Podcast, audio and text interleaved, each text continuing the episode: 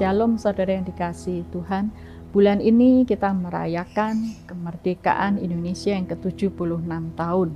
Kata merdeka adalah satu kata yang memindahkan status dari bangsa terjajah, bangsa yang tertindas, menjadi bangsa yang merdeka, yang mempunyai kedaulatan dan otoritas.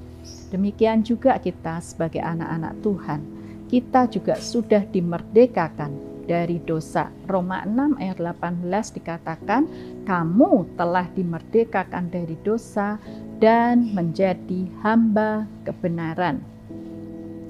Tapi apakah kita benar-benar sudah merdeka? Sudah merdekakah kita dari segala uh, kebiasaan buruk, dari segala tabiat lama kita, dari segala akar pahit, cinta uang, segala kenajisan, menjadi pertanyaan kita karena sering kali uh, kita mendengar bahwa sering kali orang berkata roh memang kuat tapi daging itu lemah. Ya, sering kali kita merasa kita tidak mampu untuk lepas dari belenggu dosa. Padahal firman Tuhan katakan bahwa kita mampu karena roh Allah ada di dalam diri kita. 1 Yohanes 2 ayat 14c di bagian bawah katakan, karena kamu kuat dan firman Allah diam di dalam kamu dan kamu telah mengalahkan yang jahat. Kata telah mengalahkan berarti itu adalah status kita bahwa kita adalah pemenang bersama dengan Yesus bersama dengan firman Tuhan yang ada dalam diri kita, roh Allah yang memampukan kita. Nah, sering kali eh, kenapa kita punya persepsi yang salah? Karena pola pikir kita yang eh, belum dipulihkan. Itulah sebabnya di Roma 12 ayat 2 katakan, berubahlah oleh pembaharuan budimu, sehingga engkau tahu apa yang baik, yang berkenan kepada Allah, dan yang sempurna uh, pola pikir kita harus dirubah dari sikap terjajah menjadi orang yang sudah dimerdekakan dari dosa. Saudara bisa lihat gambar seekor kuda yang terikat oleh tali dan tali itu dikaitkan pada kursi kecil. Seharusnya kuda itu bisa lepas dengan mudah, tapi kenapa kuda itu hanya berdiam diri saja karena mungkin dia sudah terbiasa dari kecil di, ketika diikat dengan tali dia tidak punya kuasa untuk bisa lepas dari itu.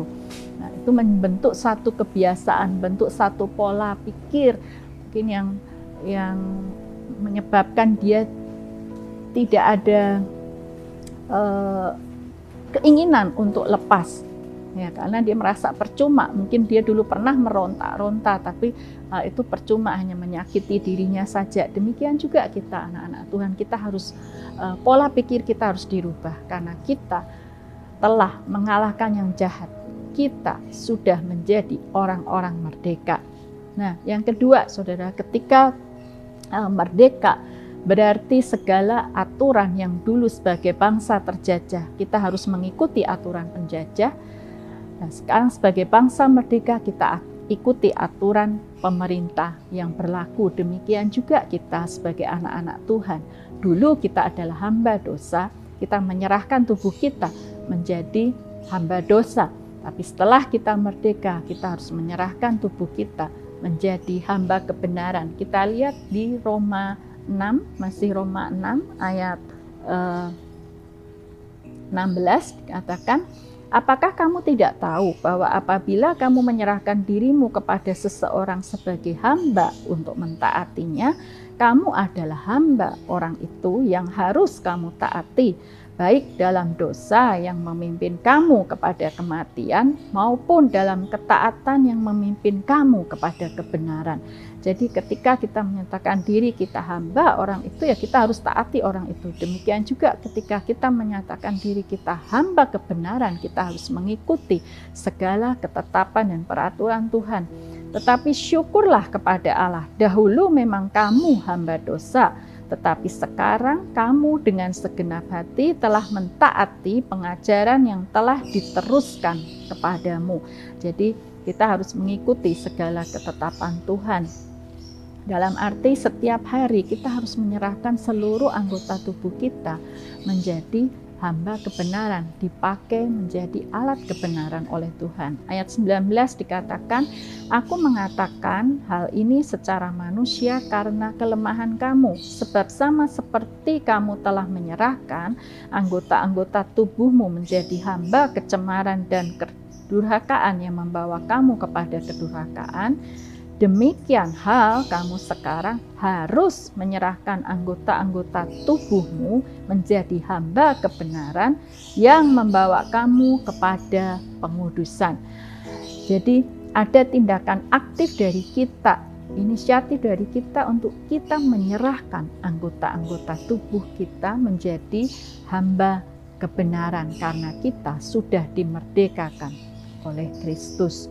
Jadi setiap hari adalah pilihan yang Tuhan perhadapkan pada kita. Ya pada hari ini ku perhadapkan kehidupan dan kematian, berkat dan kutuk. Demikian ulangan 30 ayat 19.